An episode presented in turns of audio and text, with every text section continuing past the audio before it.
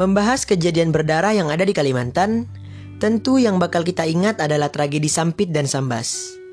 Ya, dua kejadian ini benar-benar sangat mengerikan dan tercatat memakan korban nyawa dalam jumlah yang besar. Bahkan isu-isu sentimen tidak enak pun menyeruak hampir di setiap jengkal tanah Borneo.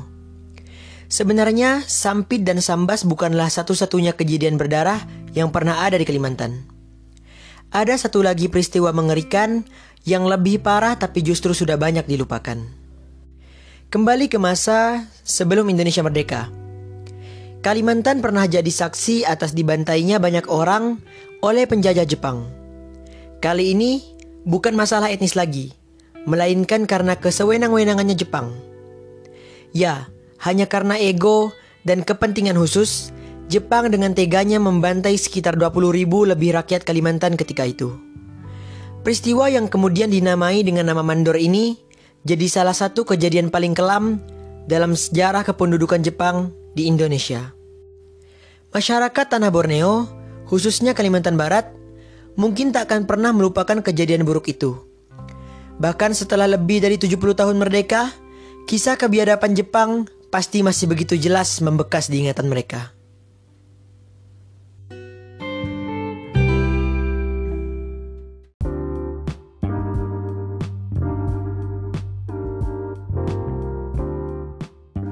Assalamualaikum warahmatullahi wabarakatuh. Halo para pendengar, bertemu lagi di Cerita Kalimantan episode 3. Bersama saya Afdoli Naza. Hari ini saya akan membawakan sebuah kisah dari tanah Borneo. Sebuah kisah yang terjadi pada masa penjajahan Jepang. Sebuah kisah yang terjadi saat Indonesia hampir merebut kemerdekaannya. Sebuah kisah yang merenggut 20 ribu nyawa masyarakat Kalimantan dan sebuah kisah yang sangat pilu, sangat kelam, di mana ribuan jasad tak bernyawa terpaksa harus disatukan di dalam satu liang lahat. Mandor berdarah.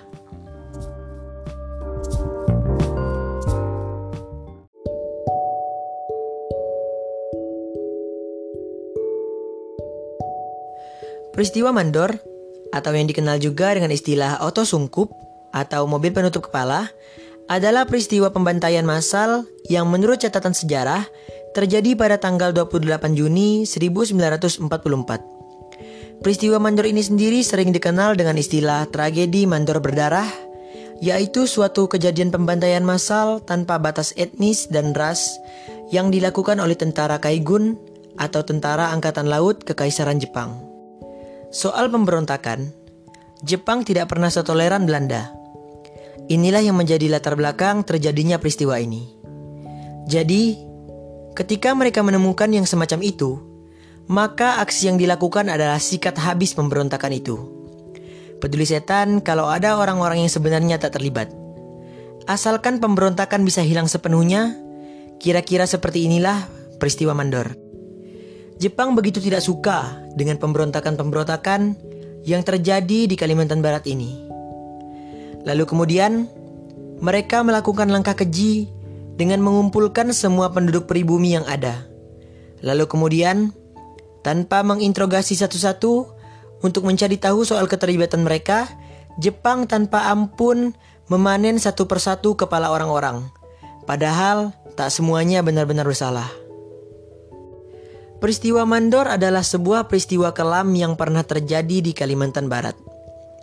Peristiwa ini terjadi pada tahun 1943 sampai dengan 1944 di daerah Mandor, Kabupaten Landak.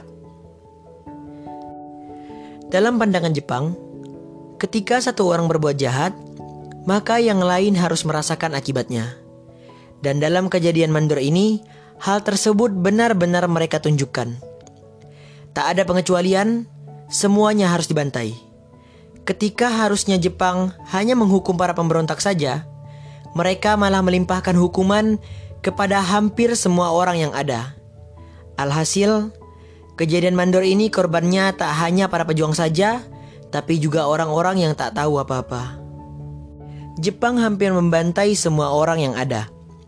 Tanpa mempedulikan apa pun, warga sipil yang polos tokoh-tokoh masyarakat, tokoh agama, politisi, semua dibantai dengan sadis oleh penjajah laknat ini.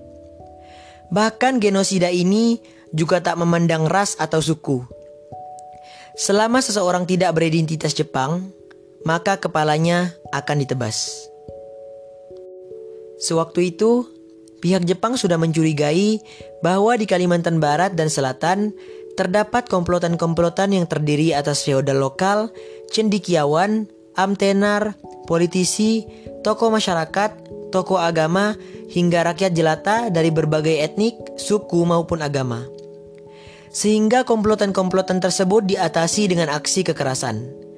Penangkapan-penangkapan yang terjadi dimulai antara September 1993 hingga awal 1944. Peristiwa mandor terjadi akibat ketidaksukaan pihak Jepang waktu itu terhadap para pemberontak yang ada di Kalimantan Barat. Dikarenakan ketika itu Jepang ingin menguasai sumber daya alam yang ada di bumi Kalimantan Barat. Sebelum terjadi peristiwa mandor, juga terdapat peristiwa cap kapak di mana kala itu tentara-tentara Jepang secara paksa mendobrak pintu-pintu rumah masyarakat dikarenakan mereka ingin menakut-nakuti masyarakat agar tidak berani untuk melakukan pemberontakan. Meskipun demikian, ternyata menurut sejarah, yang dibunuh bukan hanya kaum cendikiawan maupun feodal, namun rakyat biasa juga tidak luput dari pandangan mereka. Menurut data yang ada, jumlah korban dari peristiwa Mandor adalah kurang lebih 21.037 orang. Akan tetapi, Pihak dari Jepang menolak pernyataan tersebut dan menganggap hanya ada sekitar seribu korban saja. Jepang telah menyusun rencana genosida untuk memberengus semangat perlawanan rakyat Kalimantan Barat kala itu. Di sebuah koran harian Jepang yang berjudul Burono Shinbun, surat kabar yang terbit pada masa itu mengungkapkan rencana tentara negeri matahari tersebut untuk membungkam kelompok pembangkang kebijakan politik perang Jepang yang ada di Kalimantan Barat. 28 Juni diyakini sebagai hari pengeksekusian ribuan tokoh-tokoh penting masyarakat pada masa itu. Para korban dari kejadian itu dimakamkan secara massal di tempat yang sekarang disebut sebagai makam Juang Mandor. Makam Juang Mandor sendiri merupakan salah satu situs bersejarah di Kecamatan Mandor, Kabupaten Landak, Kalimantan Barat, Indonesia. Makam ini dahulu digunakan sebagai tempat pembantaian 20.000 orang oleh tentara Jepang pada tahun 1943 hingga 1944 dalam tragedi Mandor Berdarah. Berlokasi di Dusun Mandor, Desa Mandor, Kecamatan Mandor, Kabupaten Landak, Kalimantan Barat. Terletak 88 km dari kota Pontianak dan dapat ditempuh dengan menggunakan kendaraan roda 2 maupun roda 4. Di dalam situs monumen makam Juang Mandor terdapat 10 makam, di mana makam pertama sampai ke 9 adalah makam dari rakyat biasa dari berbagai kalangan dan etnis di Kalimantan Barat. Dan makam ke-10 adalah makam tempat pembantaian para raja dan makam tempat orang-orang yang berpengaruh di Kalimantan Barat saat itu. Pada situs ini terdapat dinding beton berlapis marmer dengan relief di kanan kirinya. Relief ini menggambarkan kejamnya tentara Jepang yang sedang menyiksa penduduk pribumi sambil memegang senjata.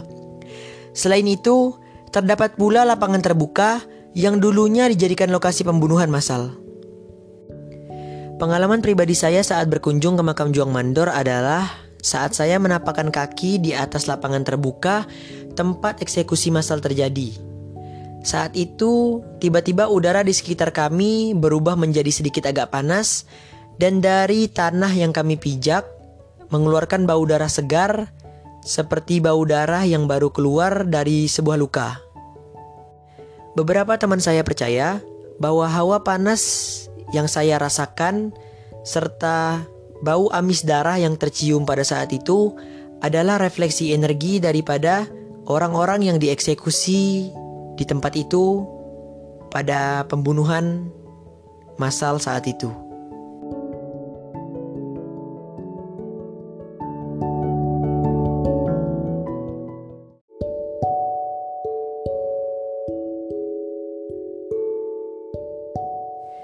Jepang dulu memang sangat kejam, soal genosida, negara matahari terbit ini mencatat melakukan aksi mengerikan itu berkali-kali.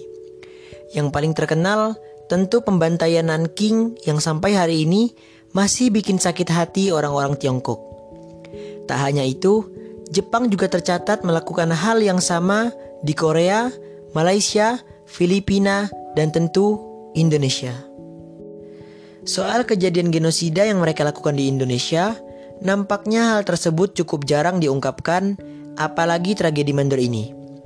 Padahal, ini juga seharusnya jadi peristiwa yang tak kalah penting ketika membahas daftar kejahatan yang dilakukan oleh Jepang. Soal pembantaian, setidaknya selama menjajah, Jepang sudah menghabisi sekitar 10 juta orang. Mengerikan. Hanya itu yang terbayang ketika mengingat kejadian ini kembali. Terbayang dengan cukup jelas bagaimana wajah-wajah polos orang-orang pribumi yang lehernya harus diadu dengan tajamnya katana orang-orang Jepang itu. Peristiwa ini mungkin menyakitkan, tapi harus tetap diingat. Tak hanya untuk mengenang mereka yang telah gugur, tapi juga sebagai pelajaran tentang penjajahan yang akan selalu menciptakan hal-hal mengerikan seperti ini.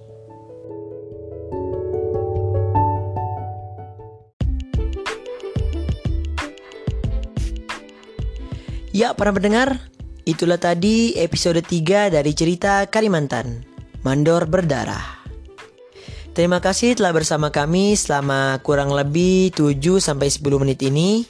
Kami harap para pendengar puas, para pendengar terhibur, para pendengar dapat belajar hal baru, para pendengar jadi betah untuk terus mendengarkan cerita Kalimantan.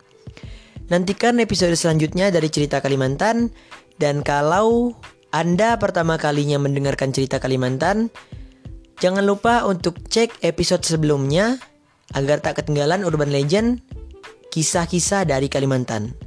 Bersama saya Abdul Naza, akhir kata, see you next time.